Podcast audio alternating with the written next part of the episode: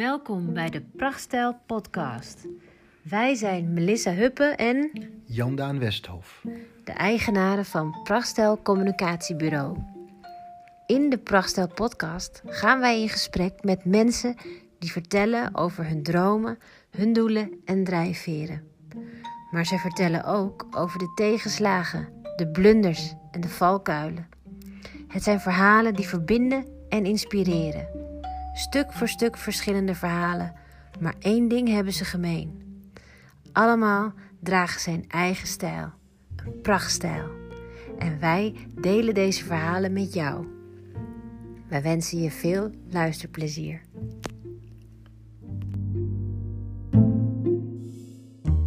In deze podcast heb ik een mooi gesprek met Louise Hompen, een prachtige vrouw met een rijke geschiedenis en carrière. Ze vertelt vol passie over haar Indonesische roots, haar katholieke opvoeding en haar studie op de Kopse Hof. In dit eerste gesprek, er volgt nog een tweede, kijkt ze terug op haar leven, waarin zij ontzettend veel heeft gedaan. We maken samen een mooie tijdreis, die start in het Amsterdam van de jaren 70, waar haar carrière begon. Een roerige en avontuurlijke tijd.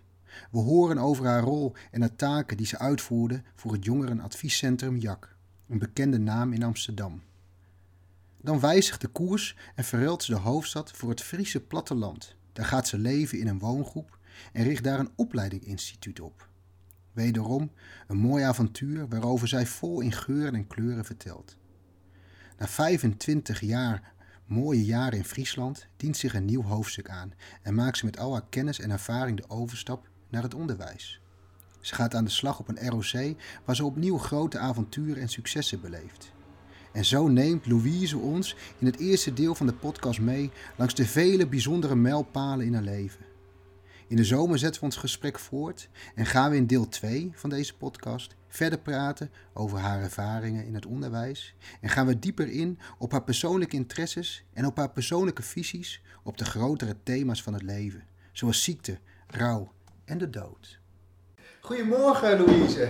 Goedemorgen Jan Daan. Ja, wat fijn dat ik eh, hier mag zijn. Ja, heel erg leuk vind Ja. ik het. Ja, heel fijn. Ik zit nu in jouw eh, huiskamer. Het is een hele mooie grote ruimte en ik, ik zie diverse schilderijen aan de muren en veel kunstwerken. Dus eh, woon je hier al lang? Ik woon hier nu, eh, wat was het? 18 jaar. Oh. Ja. Het is een fijne, fijne plek. Ik, mijn, mijn oom en tante, die, eh, daar moest ik aan denken toen ik binnenkwam. Die hebben in, eh, in diverse eh, werelddelen gewoond, diverse landen. Die hebben ook veel, veel kunst en veel kleden op de grond. En daar moest ik wel een beetje aan denken. Van. Ik zie wel hier het, een reislustig, avontuurlijk Ja. woning. Ja. ja. Ja, mijn man heeft ook heel veel gereisd, ook voordat dat wij elkaar leren kennen. Dus we hebben allebei, eh, en hij verzamelde ook heel veel spullen. Oh ja. En ja. heeft ook een tijdje in antiek gedaan. Is bijvoorbeeld zo'n Coca-Cola ijskast, die staat er dan. Dan zegt altijd iedereen, oh, mag ik die hebben? Ja, old school hè? Ja. ja. Ja, die is wel prachtig. En zo is het een verzameling van allerlei. Ja. allerlei. En Het hoeft niet allemaal modern te zijn. Of, Nee hè? Nee, nee. Ik begin even, eh Louise, jou te introduceren. Jij eh, komt uit Enschede. Jij bent daar geboren ja, in 1954. En je bent op je achtste ben je verhuisd naar Nijmegen. ja, En daar heb je eh, op het Atheneum gezeten. En ehm, ik las ook dat je sinds 1985 al werkzaam bent in het onderwijs. Dus dat is een hele, hele tijd. En, en, en eh, jij bent in het onderwijs gekomen omdat je een bijdrage wil leveren aan de ontwikkeling van, van jongeren. ja, dat is mijn missie. Ja, daar gaan we het straks nog verder eh, Ja, over hebben.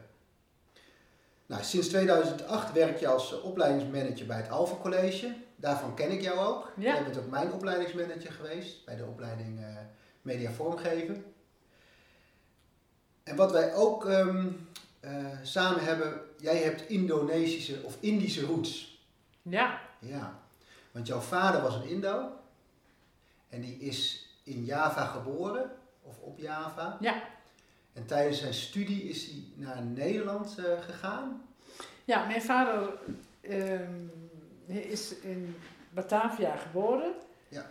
Um, moest uh, van zijn vader, hij was de oudste en zijn vader dacht, uh, ik wil graag dat hij goed terechtkomt. En, uh, dus hij moest naar de HBS, hij moest uh, opgeleid worden om bestuursambtenaar te worden. zijn vader was niet rijk. Nee. Um, en als je dus iets ging studeren, dat als je dan bestuursambtenaar werd, en dat was indologie, heette dat, die studie bestaat niet meer, en dan werd die studie betaald door de overheid, omdat je dan weer later terugging naar Indonesië ja. om daar, uh, ja, daar aan het werk te zijn. Ja, uh, dus dat, uh, hij had eigenlijk naar de tropische landbouwschool willen gaan, want hij is ooit op zijn achtste gingen ze op verlof naar Nederland, want zijn vader wilde notaris worden. Dat was echt iemand die van, van beneden af, stapjes omhoog, een hele ambitieuze man. Uh, had ook in een weeshuis gezeten, omdat zijn moeder al vroeg overleed en zijn vader zat bij het kneel. Nou, dan zorgt hij natuurlijk niet voor je kind. Nee. Dus hij kwam in een uh, weeshuis terecht, uh, heeft daar wel een goede opleiding gehad en zo heeft hij, is hij opgeklommen. En toen moest hij zijn studie afmaken in Nederland. Toen kwam mijn vader dus op ja, verlof voor het eerst. Ja. Hoe oud was hij toen? Acht jaar. Oké, ja. En ja. toen was hij bij een oom. Ja. En die werkte op de tropische landbouwschool in Deventer. En dat bleef altijd een beetje in zijn hoofd zitten. Want Oh, het is ook een man die heel erg... Mijn vader was ook iemand die had een wolkenatlas. En bomen, die vond hij ook prachtig. Ja. En die wolkenatlas, eh, ja, dat bleef ook altijd in mijn hoofd iets. Weet je, dat je, en ook de, de sterrenhemel en, en de maan Ja. en de Tirambulan, dat is dan ook zo'n Indisch lied. Ja. Eh, ja, wat bij ons in de familie heel erg belangrijk was. Als iemand begraven werd, dan werd er toch altijd ook gedraaid. Oké. En ehm, dus ja, mijn vader heeft altijd iets gehad van terug eh, naar Indië. Niet zozeer, want hij was een hele keurige, nette man. Eh, wilde ook graag zo aangepast mogelijk zijn en Ja. zich in Nederland heel netjes gedragen. Maar toen ik met hem teruggegaan ben naar Indonesië, toen, daar hebben we elkaar echt gevonden, zeg maar. Ja. Daar heb ik ook echt zijn, zijn Indische kant ja, heel, leren kennen en dat was een hele mooie ervaring eigenlijk. Ja. En toen hij dus in, eh, op zijn achtste in Nederland kwam, toen had, toen, eh, hoe lang heeft hij toen in Nederland gewoond? Ja, ik geloof zes, zeven, acht maanden zoiets. Oké, ja. En eh, Ja. toen was hij ook al, eh dan werd het natuurlijk ondergebracht bij familie. Ja. En dus een deel zat in Den Haag en een deel in Nijmegen. Oh ja, ja. Ja. En toen is hij op zijn negende bijvoorbeeld weer naar Indonesië gegaan. Ja. En En toen hij student was, toen is hij weer teruggegaan naar... ja, toen is hij in Utrecht gaan studeren, Ja. maar ehm, hij moest dus al vanaf zijn twaalfde ging hij al naar kostschool. Oh, ja. En eh, zijn zijn ouders die verhuisden naar Blitar, dat is Oost-Java. Omdat hij daar eh, notaris kon worden, mijn opa dan. En ehm, hij moest, hij zat in Batavia en ook in- eerst in Ambawara dan eh, op school. Bij de, eerst bij de paters, steeds bij de paters. Ja, ja. Het was voor hem een, toch wel een eenzame tijd, denk ik. Hè? Ja. Hij ging één keer per jaar naar huis. Als je twaalf bent, Ja. is dat best wel, wel eenzaam. En dat merk je ook wel aan, ja, de- aan de mens eh, die mijn vader was. Die, ja, toch iemand die ehm, wat, wat eenzaam opgegroeid is. Ja, ja. Mijn moeder heeft hem eigenlijk gered, zoals hij altijd zei. ja, ja. En maar dus jouw vader is geboren in Batavia, voormalig, eh, dat heet nu Jakarta. Ja. En, ehm, en waren, zijn, waren zijn ouders eh Nederlander of zijn, waar komen die Nee. ook uit Indonesië? Mijn, mijn opa, eh, die is dus een kind van een, een Indonesische vrouw, waarvan we heel lang niet geweten hebben waar ze vandaan kwam. We wisten wel haar naam en wanneer ze geboren, eh, niet, ook niet eens wanneer ze precies geboren was. En heel kort geleden, dat is heel gek, zijn- ben ik erachter gekomen dat zij een nazaat is van een aantal families die vrijgekocht zijn. In, in Batavia. Ja. En ehm, vrijgekocht door een rijkere knilman. En die, uit, die vond dat, ja, dat ze 16 families bleken het te zijn. Die kregen een eigen stukje grond. En mochten dus eh, ja, vrij zijn. Ja, het waren geen slaven in de zin zoals in Suriname. Maar we weten inmiddels Ja. Dat, uit het koloniale verleden van Indonesië. Dat er dus eigenlijk veel meer... Ja, slaaf, kan je het niet Eigendommen, noemen. Eigendommen, eigenlijk, ja. ja, eigenlijk eigendom waren. Ja. En, en zij werkte dus ehm, voor de Tangsi, dat is dan zo'n zo'n een, kazerne van waar knilmilitairen zijn. En daar was mijn opa één van. Oké, ja. Hè, dus mijn overgroot. En ehm, uiteindelijk, eh, zij blijkt, zij komt uit Kisar, dat, had, dat wisten we, omdat die naam van haar familie uit Kisar komt. Maar dat is dan al veel eerder geweest. Want Kisar ligt bij Oost-Timor. Ja. En ehm, ze- waarschijnlijk, eh, daar waren veel droge periodes. En als het heel droog was, dan was er geen geld. Dus de meisjes en de vrouwen gingen heel vaak naar Java om werk te zoeken. Ja. En zo is die familie is daar, daar gekomen. ja, Want op de. Kei-eilanden is, komt die familienaam Leander, is dat, komt daar ook voor. Oh, ja. Nou goed, daar de hele zoektocht die ik wel begonnen ben, maar uiteindelijk dus nu blijkt dat ze dus eh, ja, Mooi. vrijgekocht waren. ja. Dus als ik... ehm, En dat was dan ook grappig, want van mijn oma's kant, dat is een welter, en dat, ehm, eh, dat wel, die waren er altijd heel erg trots op dat ze allemaal zo heel blank en Nederlands waren. Maar mijn overgemoeder van die kant, als we dan mijn vader en ik naar de foto's keken, zeiden ja, dan zie je toch wel dat die niet Nederlands is. Hè? Ja. En dat was het, maar dat werd, dat werd niet zo gezegd. Hè, dat was familie Kloppenburg en dat waren kruidenvrouwtjes. En ehm, daar is over een van haar zussen is ook een boek geschreven. Maar mijn, de Welters, dat is ook wel een beetje dubieus. Ik weet nog heel goed dat ik bij een Indische bijeenkomst was en dat er werd gesproken over minister Welter. Dat is dus mijn oudoom van mij.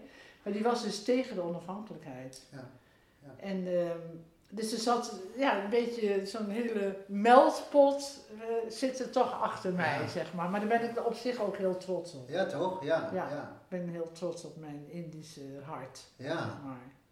Want jouw moeder is dus met een Indo getrouwd. En Ja. jouw moeder is, een, die is geboren en getogen in Nederland. Ja, mijn moeder is geboren getogen in Zwolle. Ja. Ehm, haar vader overleed toen zij vijf was. In 1924 is mijn opa al overleden. Nou, dus bijna een eeuw geleden. Ja. Ehm, zij was eh, eh, een van zeven, de, eh, de jongste. En zij, eh, ja, zij wilde heel graag de wereld verkennen, denk ik. Ze is uiteindelijk in Leiden gaan studeren. Ze werd medisch analiste. Had heel veel vriendinnen en, en ja, van alles. Eh, iemand die... In Den Bosch hebben ze elkaar ontmoet, in de schuilkelder. Jouw, jouw, Mijn vader en moeder, ja. Mijn vader ging dus na zijn studie, hij was in 1943 klaar met zijn studie. En eh, wist helemaal niet dat eh, zijn familie in een kamp zat, eh, hè, wat er allemaal daar gebeurde, want er was eh, geen communicatie. Ja. Ehm, en hij ging werken in, maar hij had natuurlijk wel familie van zijn moeders kant, hè, dus van de familie Welter. Die Ja. hadden allemaal wel redelijke ja, achtergronden, dus die hielpen hem ook wel een beetje aan een baan, denk ik. Ja. En zo werd hij jurist in, in Den Bosch. En zo heeft hij dus mijn moeder ontmoet. En toen werd hij 1 maart 1945 opgeroepen om naar Indië te gaan, om bestuursambtenaar te worden. En toen was de oorlog nog niet voorbij, maar het zuiden was al bevrijd. ja. En mijn moeder had natuurlijk haar moeder al heel lang niet gezien, want die woonde in Zwolle. Ja. En toen heeft ze, zijn ze getrouwd, heel snel, met, met eh, ringen die mijn andere tante heeft laten omsmelten van iets van een sieraad. En toen is mijn vader alvast gegaan. En toen is mijn moeder bij het vrouwenkorps van het KNIL gegaan, want het was de enige manier om naar- daar naartoe te ja, gaan. Ja, naar Indonesië. Dus, en ze wilde heel graag haar moeder nog ehm, ja, op de hoogte brengen dat zij dus naar Indonesië ging. Ja.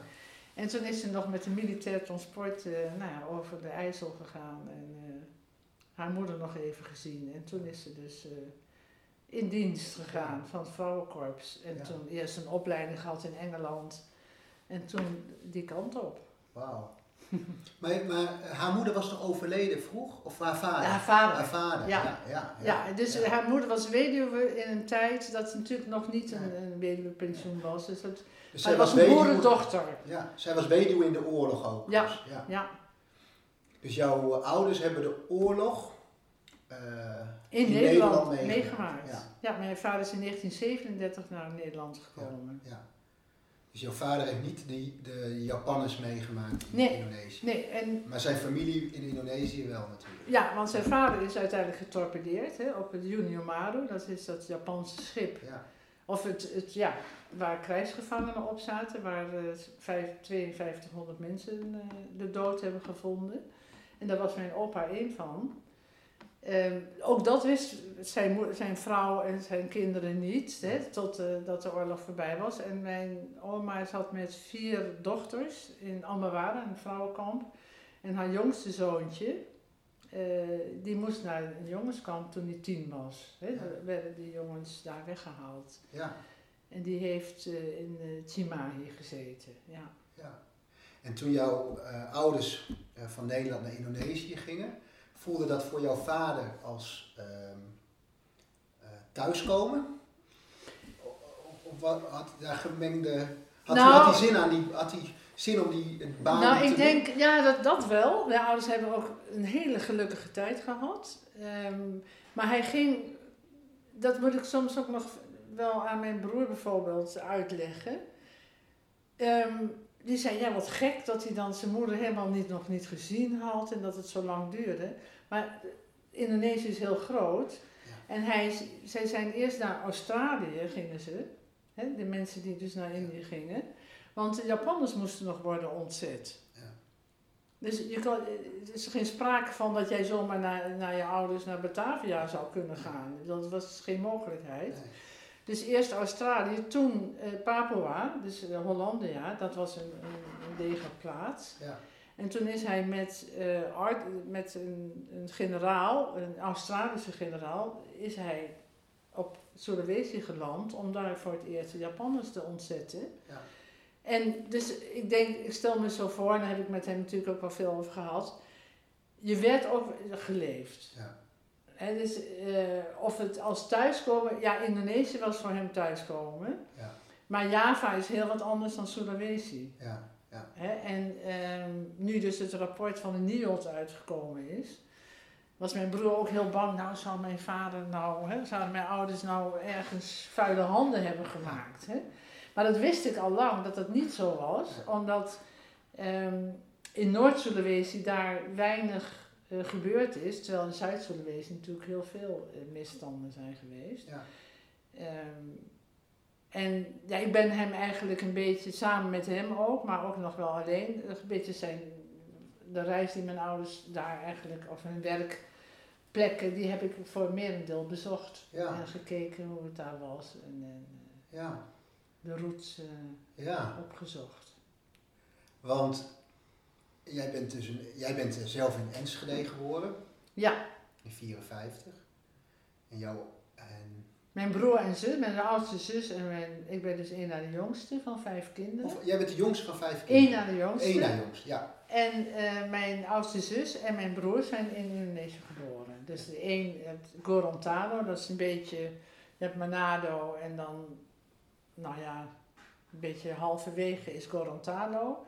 En dan midden Sulawesi mijn broer geboren, Oh ja. in Poso. Ja. Ja. En jij eh, bent de eerste die in Nederland eh, is geboren. Nee, mijn zus, eh, mijn is de derde, Wilma, die is ge- verwekt denk ik ongeveer vlak voordat ze in Nederland aankwam, is in Zwolle geboren. Oh ja, ja. Dus in het ouderlijk huis. Oh ja. Ja, want ja, waar moesten mensen heen als ze terugkwamen? Eh. Mijn tantes zijn natuurlijk wel in een pension, in een ja, contractpension terechtgekomen voordat ze een eigen plek vonden. Maar mijn moeder had natuurlijk haar familie in Zwolle en ze kwamen in het ouderlijk huis. Ja. ja. Mijn opa is in 1953 van Indonesië naar Nederland gekomen. Met mijn, eh, met mijn moeder en, en haar zus, zusje. Maar, maar dat was eigenlijk noodgedwongen. Dat, dat ze, Ja. Vanwege de onafhankelijkheidsoorlog. Wa- Was dat ook voor jouw eh, ouders? Zijn ze ook noodgedwongen? eh, Ja, maar in 1950, eh, mijn vader is, heeft dus verschillende plekken gehad op Sulawesi waar hij gewerkt heeft. En toen is hij overgeplaatst naar Lombok.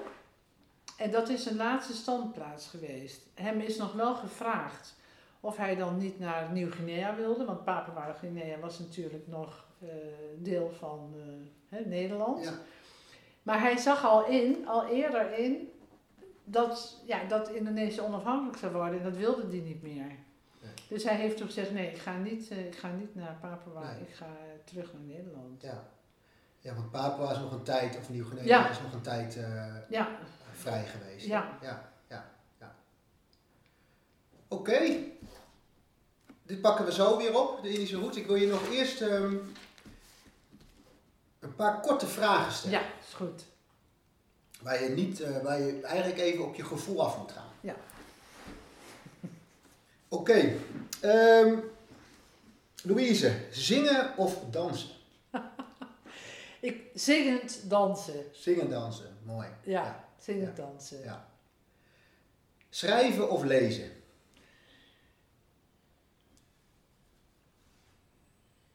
Lezen. Een e-book of een gedrukt boek?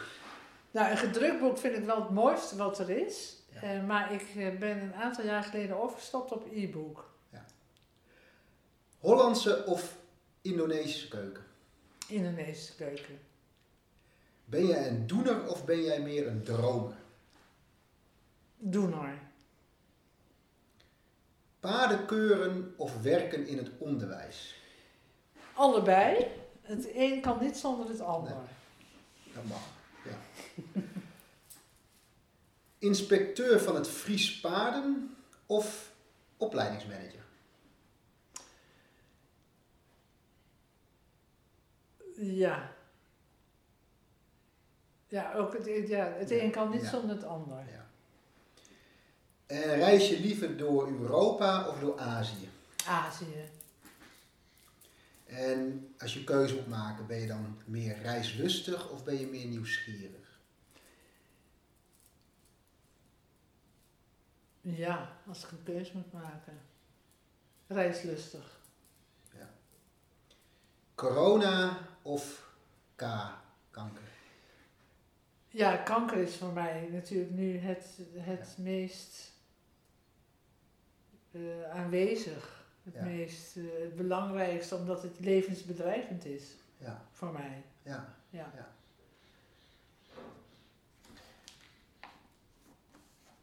Want je, bent, je, je hebt nu kanker. Ja, ik heb uitgezaaide borstkanker. Ja. Eh, en ik zit dus in een palliatief traject, zoals ze dat zeggen. Dus ik word nooit meer beter. Nee. En eh, het, de behandeling die ik krijg is erop gericht om het leven nog wat uit, de dood nog wat uit te stellen, zeg Ja, maar. ja, ja. En hoe, waar haal jij dan nog jouw drive vandaan? Nou, die hoef ik niet te zoeken, want die heb ik. Dus ehm, ik heb gewoon, ik ben, ik denk dat ik eh, heel veel kansen heb gekregen in mijn leven en ook veel talenten. Ehm, en die drive, die heb ik altijd gehad en die energie ook. Dus eh, je moet het maar zo bedenken dat ehm, mijn energie die gaat altijd door. Ja. Soms wel ten koste van iets. Ja. Hè? Dus, Ja. Maar dus zo, ik ga meteen aanstaan en het, het gaat niet uit voordat ik zeg maar het bed, eh, de, het kussen voel. Ja. En dat heb je altijd al gehad? Dat heb ik altijd gehad. Ja. Ja. Dus dat ja, dat is heel, op zich heel fijn als je veel energie hebt. Ja. Eh, Ja. ja, het leven zeg maar eh, als een uitdaging ziet. Ja, ja. Want je hebt, jij, als je nou even zo terugkijkt, dan heb je, je kijkt terug op je leven, dan, dan heb je wel eh, alles benut wat je, Ja, dan heb je Absoluut. alles eruit gehaald wat Ja. je eruit wilde halen. het enige wat ik niet heb gedaan, is ik dacht altijd dat ik voor mijn veertigste in Spanje zou wonen. Nou, dat is niet gelukt. Maar die had je toen, toen je, jong, toen je jonger ja, was. toen toen ik jonger was, ja. dacht ik dat ik, eh, ja, ik, ik, en kijk, Azië vind ik fantastisch. Ja. Maar ik zie me, zag me daar niet zo wonen. De laatste keer dat ik daar was, ehm, ik had daar eh, contact met een broeder die daar allerlei, via mijn ouders ben ik daar in een ja, katholieke wereld terecht. Mijn ouders waren katholiek. Uh, dus de, allerlei projecten ook uh, gesteund en ondersteund. En daar was een, een broeder die mij vroeg, wil je niet hier komen werken? Omdat hij dingen met straatkinderen deed van Menado en ook uh, thuis had voor gehandicapte kinderen en studiebeurzen voor kinderen organiseerde. Daar heb ik toen wel eens even over gedacht, maar ik dacht, nee, dat, dat, nee, dat, dat zou me toch ja, niet meer lukken, denk ik. En, en, en in hoeverre die katholieke opvoeding die je hebt gehad, -hmm. um, wat, wat, heeft het jou dat, dat gegeven? Of wat, heb je, wat neem je daar mee? Nou ja, wat, toen ik 14 was, toen dacht ik, nou, dit wat ze hier allemaal vertellen in de kerk, dat kunnen ze mij niet op de mouw spelden. Uh, met name ook omdat ik altijd heel politiek of maatschappelijk bewust was. Dus ik dacht, ja, het kan niet zo zijn dat in Zuid-Amerika daar zoveel onderdrukking door de katholieke kerk is en dat God dat dan zou hebben bedacht. Dus, eh, en ik zat altijd op het koor, vond ik super leuk. Ja. Um, dus eh, zingen vond ik leuk en we gingen, deden allemaal leuke dingen. Uh, maar uh, nee, ik kom de kerk uh, toch. Ik, ik speelde gitaar, dat vond ik dan wel weer leuk, want het, het was natuurlijk modernisering van de kerk en dan mochten we daar in een bandje spelen. Ja. Maar dat was meer wat erbij kwam. Ja. Maar wat ik, mijn moeder was echt heel gelovig en ook enorm sociaal bewogen. En ik denk dat die, dat het, het iets doen voor de naaste en, en verantwoordelijkheid nemen voor wat er in de wereld gebeurt, dat ik dat heel erg van mijn moeder heb. Ja. En dat dat een beetje het katholieke ja, ja. in mij dan misschien nog is. Uh, en rituelen, dat heb ik daar echt wel van overgehouden. Dus bijvoorbeeld een kaartje bij, in, in de kerk bij Maria, dat zal ik altijd doen. Ja. Ja. Um, ik vind ook wel, hè, als iemand rituelen bij als iemand overlijdt. Maar dat hoeft helemaal niet katholiek te zijn. Het kan ook Moluk zijn, of Indisch, of, of Arabisch. Maar dat, dat je... Hè, Nederlandse cultuur is eigenlijk heel arm, vind ik. Hè? Als het bij, bij overlijdens en bij geboortes. En, ja. um, dus dat heb ik er wel van, maar dat is dan niet zozeer het katholieke, maar meer de rituelen. Ja. Hè, dat je alles dingen moet vieren of moet markeren in iemands leven. Ja. Ja, dat is ook wel mooi, want dan, eh, dat zijn echt van die eikpunten hè, die je dan viert. Of, uh, op een soort bewustwording, denk ik. Ja, van, uh, dus als je bijvoorbeeld bij Molux, ik heb dan een aantal Molukse vrienden, dat je dan dus bijvoorbeeld 30 dagen nadat iemand overleden is, haal je niks uit het huis. Hè? En dan kom je daarna weer bij elkaar. Hè? En, en hoe moeilijk dat misschien ook kan zijn, maar dat, dat, zo hoor je dat te doen. Dat vind ik prachtig. Hè? Er zijn genoeg verhalen van mensen die na de eerste dag uh, nadat iemand overleden is, al dingen zijn verdwenen uit de kast. Ja, ja. Hè? De, de, ja, eerst even de tijd hebben en de tijd nemen om te om rouwen. Te rouwen ja, en, om, ja. om, te herdenken. Ja, en ik heb dus uh, ja, toch veel meegemaakt in mijn familie. Omdat hè, ik ben een na de jongste van vijf kinderen. En er zijn dus twee zussen al aan kanker overleden. En mijn broer, uh, jongste broertje, dus hè, die na mij kwam, is van ongelukt. Ja. Dus het rouwen en, en alles wat daar hè, mee te maken heeft, dat, daar heb ik dan nog veel moeten meemaken, zeg maar. ja. ja. Dus je, je, je hebt de dood al echt... Uh, in de ogen gekeken. De ogen gekeken. Ja. ja. ja. En um, dat, die maatschappelijke betrokkenheid, hè, dat sociale wat je waarschijnlijk toch van je moeder hebt uh, ja. geërfd. Wanneer was het eerste keer dat je dacht van, dat je, de, ja, dat je er energie of dat je er... Um, wanneer was de eerste keer of wanneer is het zaadje gelegd dat je dacht van, hé, hey, dit is wel een missie. Uh, kant ga ik ja, dat is nog. Kijk, ik, ik ging niet graag naar school. Uh, ik ben ook van school gestuurd. Ik zat eerst op het gymnasium bij Paters. Dus daar is, is ook wel een beetje mijn, ja, mijn opstand eh, begonnen. Dat is ook wel mijn redding geweest, denk ik. Ja. Eh, dus ik ben van school gestuurd, het eh, tweede van het gymnasium. Toen was je veer- 15? 14. 14? Ja. Ja, en ehm, ik had natuurlijk wel altijd aanhangers in de klas, dus dat was ook wel lastig, denk ik. En ik was heel vroeg rijp. Ja. En ehm, eh, dus ja, we hadden ook eh, in de fietsenkelder hadden we muziek, soulmuziek. En dan gingen we daar feestjes organiseren. Nou, dat kon natuurlijk helemaal niet. Ehm, maar ook heel brutaal en ook boos in de klas. Ik had bijvoorbeeld een aardrijkskundeleraar die heel erg racistisch was. En die altijd over eh, Zuid-Afrika had van eh, die zwartjes. En nou, daar ging ik altijd tegen in. En ik mocht helemaal niet meer in de les bij die. Bij, Ja. Maar ik had op een gegeven moment die nieuwe school waar ik op kwam. Een openbare school. En daar was een rector die mij wel begreep. En die ook, nou ja, ik mocht dus niet meer in die klas, maar dan liet hij mij artikelen maken en dus Ja. met hem op de kamer dingen lezen en van alles. En da daar is denk ik wel iets van een zaadje gelegd voor het, dat het zoveel uitmaakt in je leven of je of er iemand is, hè, dat is natuurlijk toch vaak ook een leraar Ja. of een docent. En in dit geval was dat dan deze De rector. ja. Eh, die dan maakt dat je. En mijn moeder natuurlijk, die zei: Ja, je hebt voor geen meter dat jij van school gaat. Ik zei: Laat mij maar werken. Ja. En mijn vader was, werkte aan de universiteit, dus wij zaten in, in een milieu waarin ja, toch wel heel gestudeerde mensen allemaal waren. Ja. En daar had ik helemaal niks mee. Nee. En, ehm, dus ik zei: Nou, laat mij maar werken. Maar zei mijn moeder geen sprake van. Je gaat eerst, eh, je moet je school afmaken, je moet eerst een beroep leren en je moet je eigen geld verdienen. Ja. En, en dus die combinatie, denk ik, is voor mij heel belangrijk geweest. En ik denk, dat zie ik natuurlijk, heb ik op school natuurlijk ook veel gezien, op het Alpha College, maar ook eh, eerder.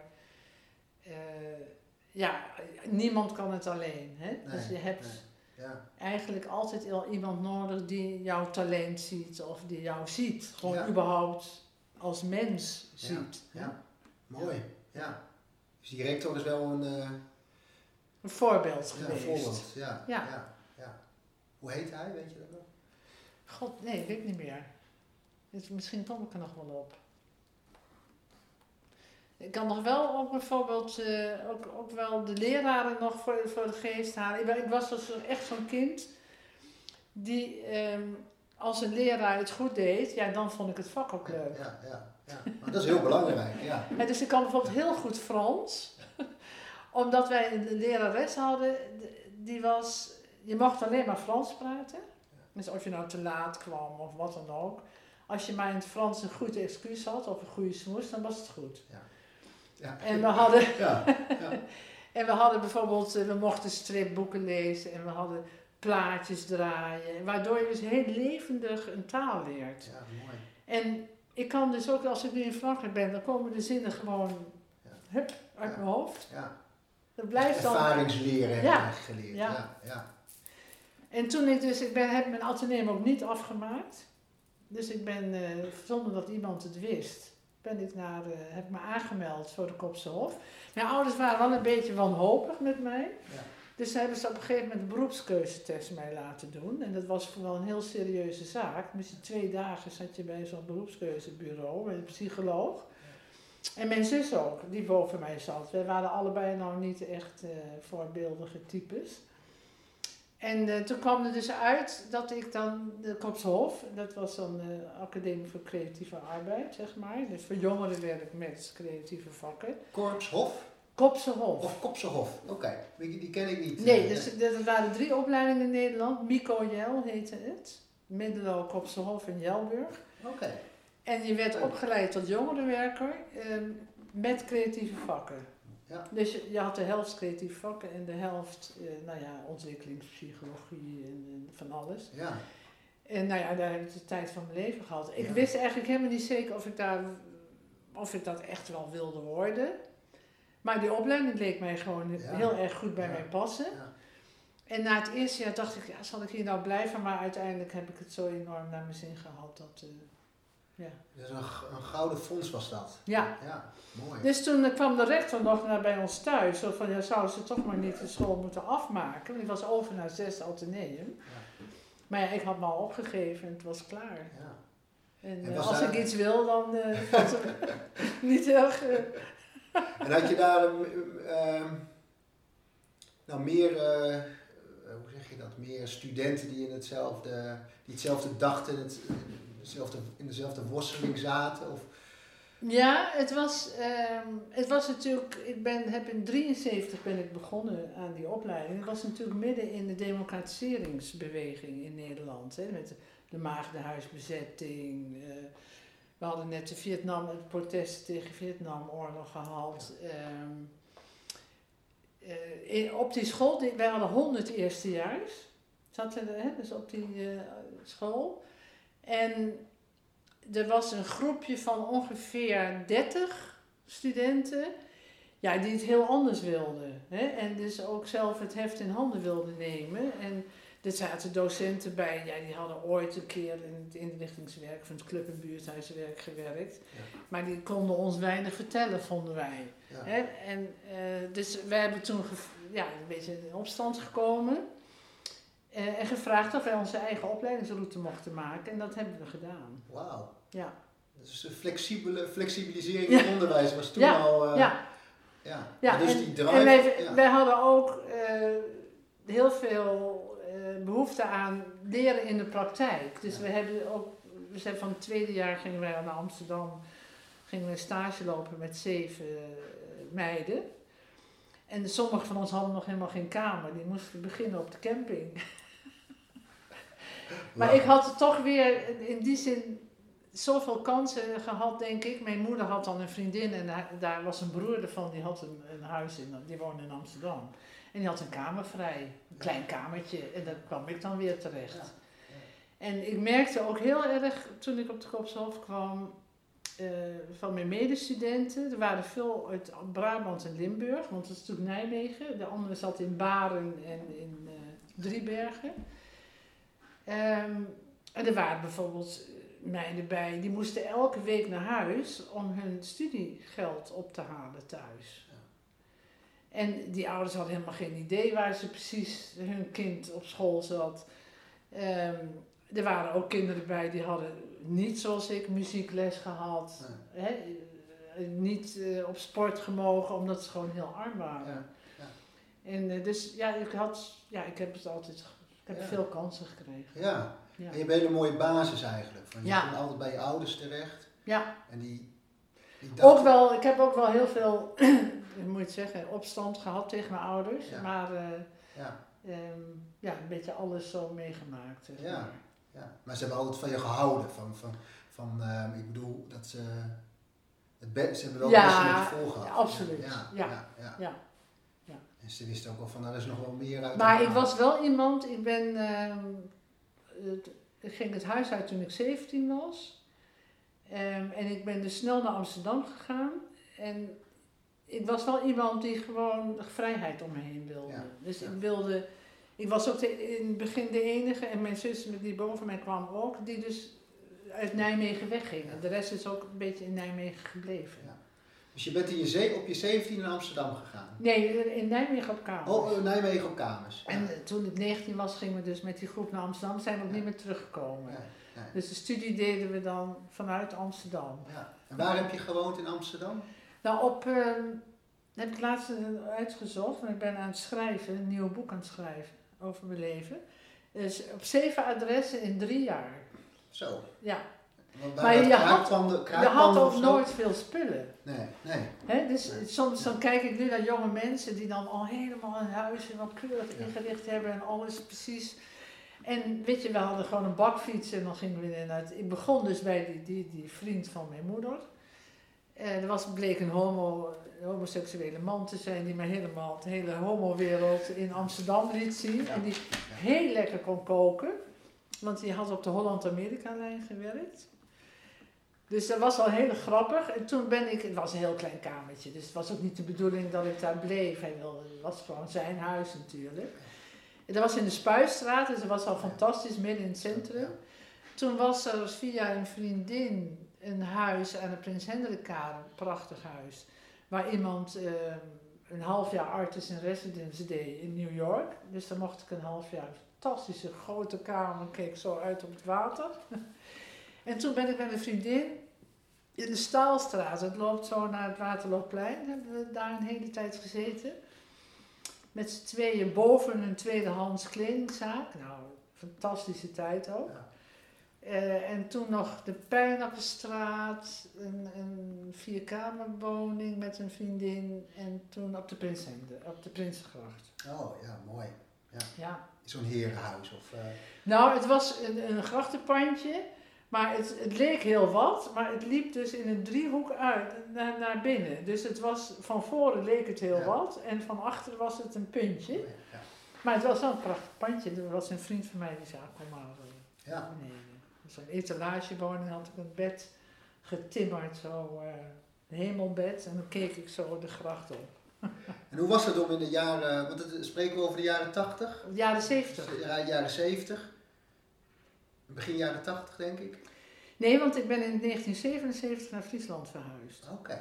Ja. Dus je hebt de jaren... En hoe was het om in, Amsterdam dan de jaren 70? Want je noemde Ja, al die maagden, fantastisch. Eh, nou, ik zat dus in de vrouwenbeweging. We hadden ook de eerste vrouwengroep opgericht op mijn eh, academie. Ehm, dus we hebben wel een vrij eh, turbulente tijd. Hè, we hebben ook Nieuwmarktrellen natuurlijk meegemaakt. Want wat houdt dat in, een vrouwenbeweging? Ehm, wat houdt dat in? Ja. Toen was de vorige, Dolomina had je. Ehm, maar dat was een beetje voor mijn tijd. Het was een wat oudere generatie. Eh, ik heb bijvoorbeeld meegedaan met Bloemenhoven bezet om abortus eh, te krijgen, vrijheid te krijgen. Dus eh, ik kan het zo nog zingen, het lied. Bloemenhoven mag niet sluiten. Justitie en politie blijven buiten. Wij vrouwen baas in eigen buik, al zegt vannacht ook nee. Abortus in het ziekenfonds en haal ja door de play. Nou dat zongen jullie dan op de bühne daar? ja, want dat, eh, Van Acht die wilde dat natuurlijk niet. Uiteindelijk kwam de ME ook, maar het, op, hij kreeg zoveel politieke druk. Ja. Dat vlak voordat de ME zou ingrijpen, hè, we hadden dus Bloemenhoven bezet, dat was de abortuskliniek. Dat eh, het was geloof ik vijf voor vier. En de ME stond klaar en toen is hij toch bezweken voor de druk van de andere partijen. En, eh, Ja. ja, ging de ME-invasie niet door. Maar we hebben bijvoorbeeld ook, ik werk dus in de alternatieve eh, hulpverlening, in het jongerenadviescentrum in Amsterdam. En het was toen heel erg vooruitstrevend. Want je had eigenlijk het ouderwetse inrichtingswerk. Dus eh, als kinderen niet deugden, of er was iets in het gezin, of ze werden met hè, kindermishandeling, dan moesten ze in een internaat. En je had in Nederland dat je zetten en rekken. Dat waren hele zware inrichtingen. En daar, was, daar waren heel veel misstanden. Die kinderen hadden het verschrikkelijk. En die liepen weg. Die liepen weg naar Amsterdam. Want ja, als je weg wilde lopen en je wilde in de anonimiteit, dan ging je naar Amsterdam. Dus ik zat in de kinderbeschermingssectie, heette dat, en de vrouwensectie. En ehm, we hebben dus ook Blijf van mijn lijf opgericht. En eh, dat waren natuurlijk wel een beetje, ik was overal altijd de jongste. Ik was één de jongste in huis. Maar ook in de hulpverlening, ja, ik was twintig. Ja. En daar waren allemaal ja, mensen die toch al wel weer wat verder waren in hun leven. Ja. Maar dat, ja, dat, dat, dat, dat, ja, dat stimuleerde mij. Dat vond ik eh, prachtig. En wat was dan jouw rol op, op zo'n... eh, bij de jongeren? Nou, je, je had dan baliediensten. Dus eh, je had, het was elke dag open van 12 tot 12. Het was gewoon een open deur. Dat zou nu helemaal niet meer kunnen. Eh, en daar kwamen dus... eh, je had een jongerensectie, je had de GGZ, de, hè, de geestelijke gezondheid. Eh, je had de woonsectie, dat was alle mensen die geen woning hadden, krakers, eh, dat. En dan de vrouwen- en de kinderbescherming. En eh, wat we deden was ehm, ja, voor die kinderen opkomen. Eh, zorgen dat ze een, een, een, een opvanggezin kregen. Ehm naar de kinderrechten, voogdijinstellingen, eh, ja, we Ja. waren bezig om, om ja, te moderniseren en te zorgen dat kinderen ook een recht hadden eigenlijk. Ja. Hè? Ja. In plaats van eh, onderdrukt. En er is toen heel lang een zaak geweest. Wij hadden een zwart boek van alle inrichtingen hielden wij bij. Ehm, dat was een, een psychiater Vinkensieper, die, ja, dat kan je ook vinden. eh, die jarenlang eigenlijk kinderen misbruikt heeft. En, eh, maar altijd weer wegkwam omdat hij dan zei, ja, maar dit zijn gefrustreerde kinderen en die, en die fantaseren maar wat. En uiteindelijk pas in begin jaren negentig veroordeeld is. Zo. En, ehm, En dat wisten jullie? ja, ja, want wij, wij, wij schreven die verhalen van die kinderen op en wij geloofden die kinderen natuurlijk. Ja. Hè? Dat het was niet zomaar eh, Nee. dat ze Nee. dat eh, vertelden. Ehm, ja, ik heb ook, voordat ik bij het jongerenadviescentrum ging werken, liep ik stage in een tehuis waar hele gezinnen opgenomen werden. Hè, met eh, mannen, vrouwen en kinderen waar vaak mishandeling speelde. Ehm, en waar wij dan het kinderwerk moesten doen. Hè, want ik had natuurlijk allemaal tools in handen als het beeldend vormen, drama, foto. Dus ja, wij moesten natuurlijk. Die, Ja. hè, de- wij leerden ook. We hadden sport en spel ook bijvoorbeeld. Wij leerden om bijvoorbeeld een, een sport- en speldag eh, te organiseren voor 300 gehandicapte kinderen. Net zo'n opdracht kregen wij op school. En dan moest je eerst helemaal verdiepen in al die handicaps. Wat mochten ze wel, wat mochten ze niet. En dan gingen we in Papendal. Kwamen al die kinderen en dan moesten, zorgden wij ervoor dat die de tijd van hun leven hadden. Zeg maar. Ja. Of in een buurthuis moesten we speurtochten organiseren. Nou ja, en- Dus heel Theater. organisatorisch was je bezig. hè? ja, en veel, ja, met, met, met creatieve middelen. ja, Hè? ja. mooi. Ja. Een mooie. We hebben. Kijk, en wij moesten. Wij hadden de tijd van ons leven op de academie, want alles was daar. We hadden een donkere kamer tot onze beschikking, we hadden muziekruimte tot onze beschikking, we hadden een hele kelder met, met drumstellen en gitaren, we hadden een, een theaterzaal, we hadden beeldend vormen, eh, zeefdrukken, ja. Ja.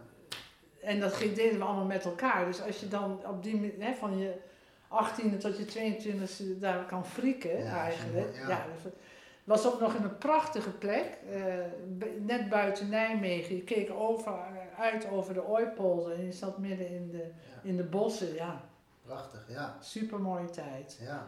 ja. Ja. Dus daar is ook, ik heb het laatst heb ik een eh, presentatie gegeven over de kunstenaars mindset. En, eh, ja, en als ik het zo hoor, dan is dat daar ook bij jou echt eh, ja, ja, ontwikkeld. En, Ja. eh, ja, ja, ja. En ook dat, je, dat jullie aangaven dat jullie in opstand zijn gekomen om, je eigen leerlijn te, te bedenken. Ja. En dat dat ook mocht. Van, Nou, er eh, waren een paar docenten die waren ook net begonnen in het onderwijs. Ja, En eh, weet je, dat later ga je dat natuurlijk allemaal realiseren. En die, ja, die daar wel oren naar hadden. Ja. En, die, en die ruimte was er ook. ja. Maar dan ga je dus samen ga je dus een curriculum maken. En er waren natuurlijk ook een aantal die daar niks van weten. En er waren ook veel medestudenten hoor. Die bijvoorbeeld, ja, die hadden van tevoren al bedacht, "Wel, ik ga inrichtingswerker worden. Hè. Dus je kon toen nog, eh, kon je kiezen tussen inrichtingswerk, club- en buurthuiswerk of vormingswerk. Ja. En je had vroeger vormingswerk jongvolwassenen en vormingswerk jo- werkende jongeren. Dus als je ging werken als 16-jarige, dan moest je twee dagen in de week naar school. En dat heette vormingswerk werkende jongeren. Ja. En ehm, ja, dat is later allemaal verdwenen. Hè? Dus, eh, dat is nu eigenlijk ROC geworden natuurlijk. Hè? Ja, ja. Kijk, wat vroeger, die, hè, de, Ja, hè, dat ze waren, ja, waren plekken waar, waar eh, onderwijs werd gegeven op een, eh, ja, op een andere manier. ja. Maar Dan, dan heb jij dus dat, eh, De voorloper van de, van de, RO, hè, van de ROC's eigenlijk. ja. Want je hoort heel erg dat het neoliberalisme heel erg in het onderwijs is gekomen. Dat er opeens managers kwamen en... ehm, eh, ja, heb je dat ook zo ervaren, dat het, dat, dat er een, dat het onderwijs een andere beweging opging? Dat het meer, eh, dat ook, ehm, dat de scholen ook echt veel geld kregen om hun eigen eh, onderwijs te Ja. maken? Kijk, ik, ehm, ik ben dus op het platteland gewoond in Friesland en heb uiteindelijk daar ehm, mijn eigen werk geschapen. Ik, ik zeg altijd, ik ben een soort ontwikkelingswerker. Ik kan van niets kan ik iets maken. Ja. En ik, ik, ik doe met wat ik in de omgeving om me heen zie.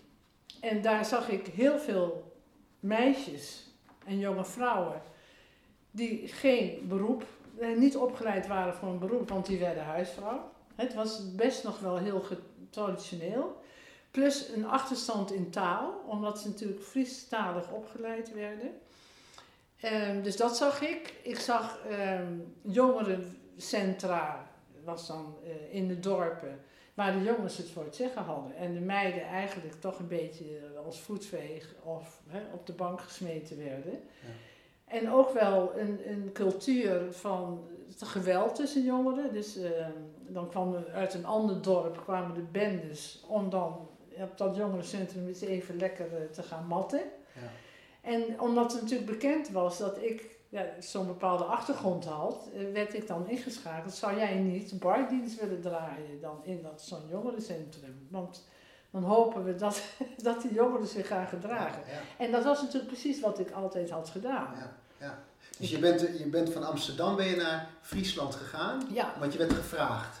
Of- Nou nee, eh, we zijn eh, vanuit het jongerenadviescentrum in Amsterdam zijn we met acht mensen hebben we een woongroep gestart in Friesland en een boerderij gekocht. Ja. Maar dan kom je dus in een omgeving terecht waar je iets wil doen Ja. met wat je daar ziet. En waar in Friesland was dat? In Oldenboren. Dat is niet zo ver van Grauw en Akker. Het is in Midden-Friesland. Het is een beetje het watersportgebied. Oh ja, ja. Een dorp van 1500 inwoners. Ja. Ehm, ja, Dus hebben jullie met z'n achter een boerderij eh, gekocht. gekocht, ja. En dan waren jullie een woongemeenschap. Wij waren een woongemeenschap. Ja. Ja. we wilden ons geen commune noemen, want dan dat zou- dachten we, dit heeft een, niet zo'n positieve klank Nee. voor die plattelanders. Maar dat maakte niet uit, want ze dachten toch dat wij alle, alles met elkaar deden. Of dat we een tehuis voor moeilijk opvoedbaren waren, of een drugscentrum. Of het was natuurlijk in die tijd een hele bijzondere aangelegenheid dat daar zomaar acht Hollanders, hè, want als je dus niet uit Friesland kwam, ben je Hollander. Ja. Dat die daar kwamen. Dat was een. eh, En was het een gemengde groep, die acht? Of waren het... dat waren, ehm, even kijken, toen nog drie mannen, eh, vijf vrouwen en drie kinderen.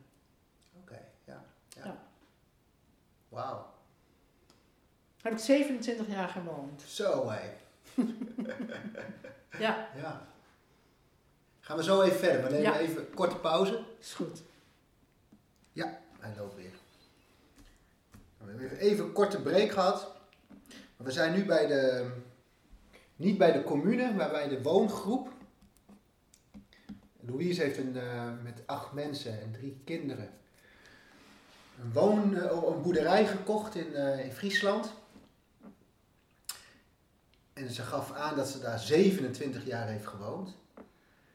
Ehm, nou wil ik eigenlijk wel even een paar hoogtepunten horen. Van, Ja, de hoogtepunt. Nou, het hoogtepunt is natuurlijk dat als je in een woongroep woont, dat je enorm veel een rijk leven hebt, omdat je met meer mensen veel meer kan. Hè, dus een boerderij helemaal verbouwen tot eh, appartementen. We hadden daar een groepcentrum waarin we dus groepen ontvingen. Dus we hadden een bedrijf aan huis. En wij dachten namelijk toen we uit Amsterdam kwamen van ja, we gaan ons niet opsluiten op het platteland. We willen wel contact houden met, met de mensen. Dus wij hadden een groepcentrum overgenomen wat stopte uit Noord-Holland. En dat een soort vormingscentrum. Waar groepen kwamen met scholen, eh, klassen kwamen daar. Eh, Dus ja, het leven in een groep. Heel vaak denken mensen dat je heel sociaal moet zijn, maar je moet eigenlijk ook wel een beetje asociaal zijn. Want je moet je wel kunnen afsluiten. Hè? Als je helemaal laat opslokken door een groep, dan heb je geen eigen leven meer. Hè? Dan, dan, en sommigen hebben dat ook niet, eh, die, ze hebben daar niet 27 jaar gewoond, die zijn eerder weggegaan. Dus ik- heb daar ook veel veranderingen meegemaakt, maar samen met twee anderen hebben we het het uiteindelijk eh, daar 27 jaar volgehouden. Ik had zelf geen kinderen, maar ik, vind, ik ben natuurlijk een jongere, als jongerenwerker opgeleid en ik vind kinderen hartstikke leuk. Dus ik heb daar ook drie kinderen opgevoed. Ja. Wat ook een enorme rijkdom is geweest voor mij. Ehm, en wat we ook daar, we zijn een paardenfokkerij begonnen. Dus dat was wel, als je zegt een hoogtepunt. Ehm, het bleek dat ik heel veel talent had voor het beoordelen van paarden. Dus dat ik een goed oog had, zoals ze dat zeggen. Dus, en ik ben helemaal niet opgegroeid met paarden, dus wij gingen ehm, op allerlei cursussen. En toen bleek dat ik als een van de beste steeds uit die cursussen kwam. Terwijl ik dus helemaal niet, zoals ze zeggen, onder een paard geboren ben. Ehm, en een vreemde eend in de bijt was, in eh, die Friese wereld. Maar ja, ik, was, ik had hoge cijfers, dus ik mocht steeds door. Toen heb ik een cursus gedaan bij het ministerie. Voor alle Nederlandse mensen die dus uh, voor allerlei stamboeken uh, zo'n opleiding gaan volgen. En ook daar was ik weer een van de betere. Nou, dus dat was, ja. zo ben ik dan inspecteur geworden van het Fries Paardenstamboek. Dus dat was ook een hoogtepunt. Ja.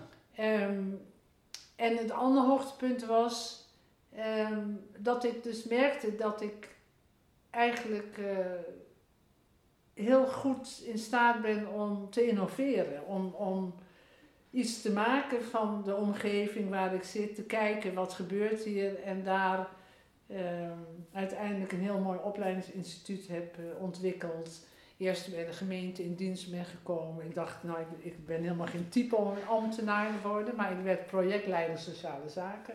Oh ja. En daar mocht ik dus, uh, ja, eigenlijk ook die vrijheid kreeg ik om, om daar allemaal dingen op te zetten. Nou, uiteindelijk Europese subsidies met heel veel jongeren uit van, uh, zomaar uit het dorp naar Noord-Ierland geweest, naar Spanje, naar ja, zoveel mooie dingen heb uh, gedaan en uiteindelijk ook weer heb opgeheven. Omdat uh, de nieuwe wereld was ingetreden, namelijk ja, de nieuwe zakelijkheid, ja. het liberalisme, ja. de schaalvergroting. dus arbeidsvoorziening werd op, hè, arbeidsbureaus werd arbeidsvoorziening.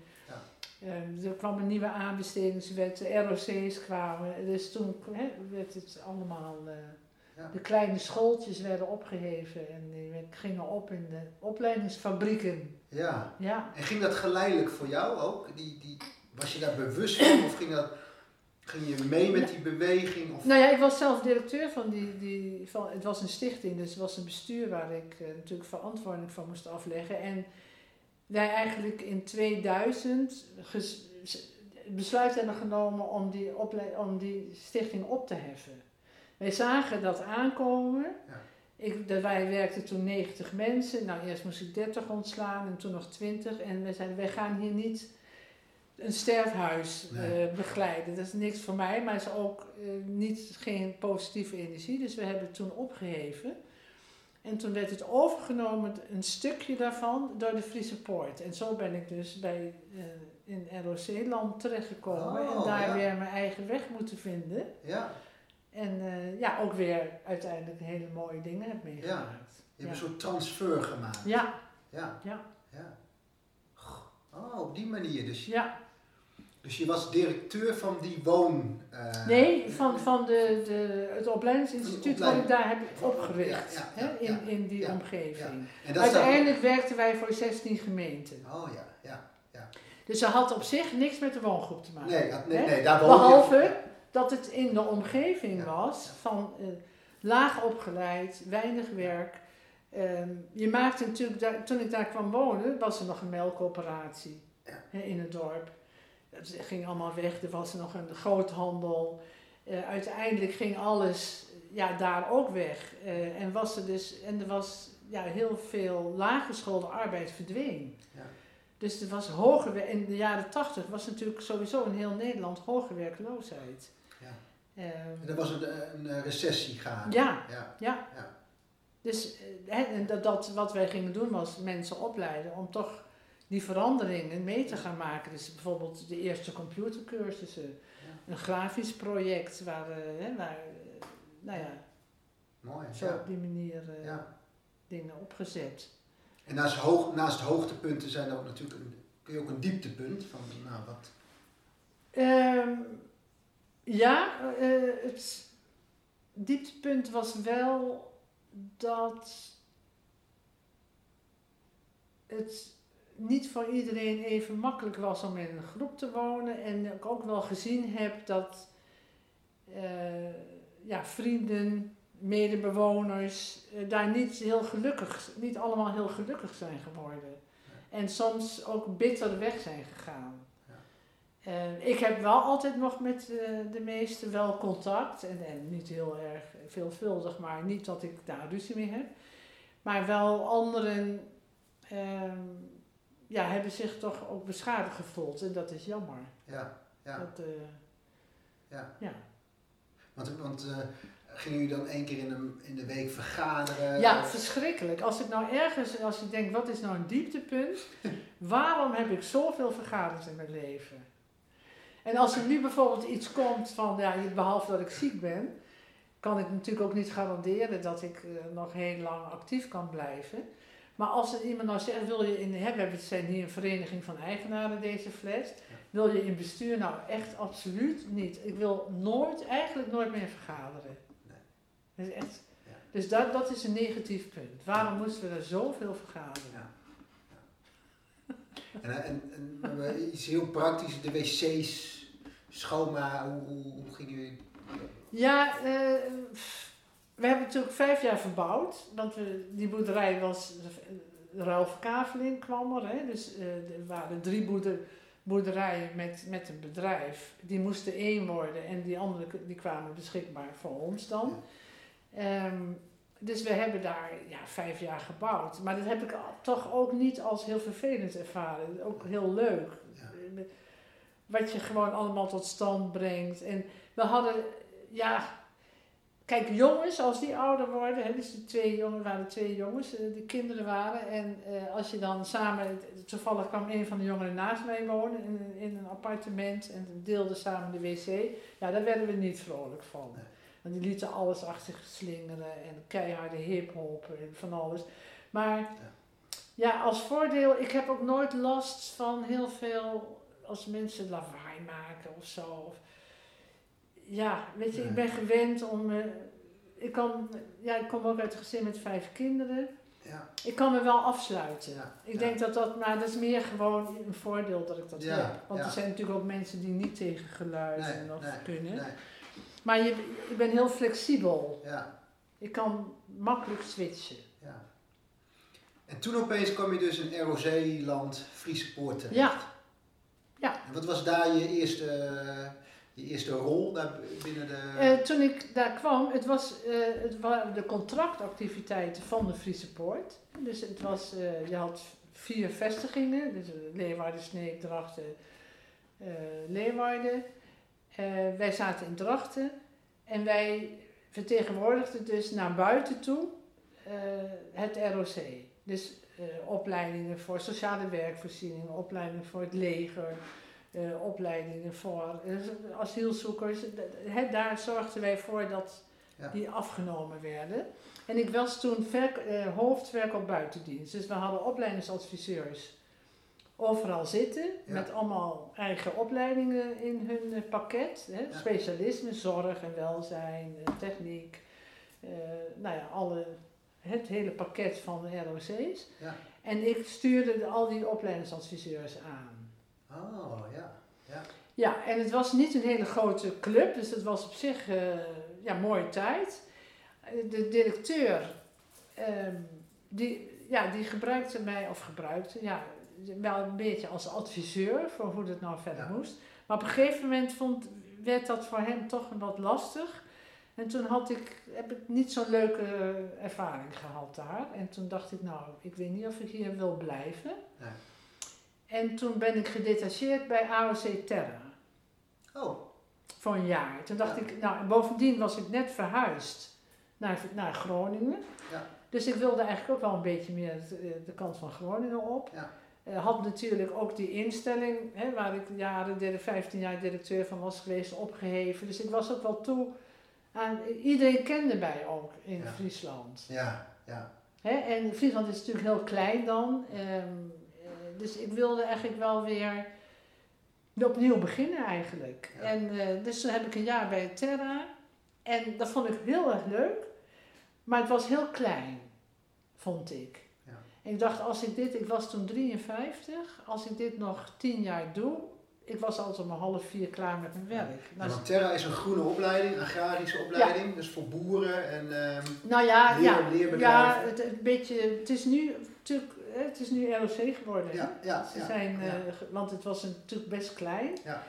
Eh, ze zitten nu ook wel wel meer in duurzaamheid natuurlijk. Ja. Het zijn natuurlijk heel, ik heb daar wel hele mooie dingen gezien ook hoor. Ja, En ehm, ik heb ook enorme waardering gekregen voor bijvoorbeeld de groenvoorziening. Ja, Hè, want daar werden natuurlijk alle mensen opgeleid die nu allemaal hier onze openbare ruimtes onderhouden. ja, En ja, prachtig eigenlijk. ja. Dus ik vond het een mooie ervaring. Ik dacht, ja, als ik hier tien jaar zit, ik ga me hier vervelen. Ja.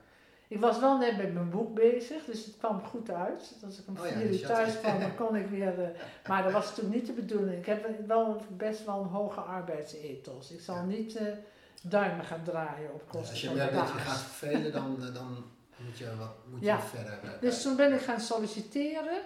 En eh daar heb ik een hele brede sollicitaties allemaal uitgezet. Ik heb die brief allemaal nog bewaard, vind ik gewoon grappig. Zo'n stuk of 20, 30 instellingen zo eh, Ja. wel. eh, en daar kwam uiteindelijk het Alpha College uit. Ja. Een christelijke ROC. Ja, Ja. Ja. Maar dat past natuurlijk ook wel goed bij mij. Ja. Ja. Ja. Ook met rituelen natuurlijk. Met En, rituelen en toch ook de zorg voor, voor de leerlingen en de studenten die het minder hebben gehad. Ja. En ik vind dat College dat heel mooi doet. Ja. Ja. Bedankt voor het luisteren. Dit was deel 1 van deel 2.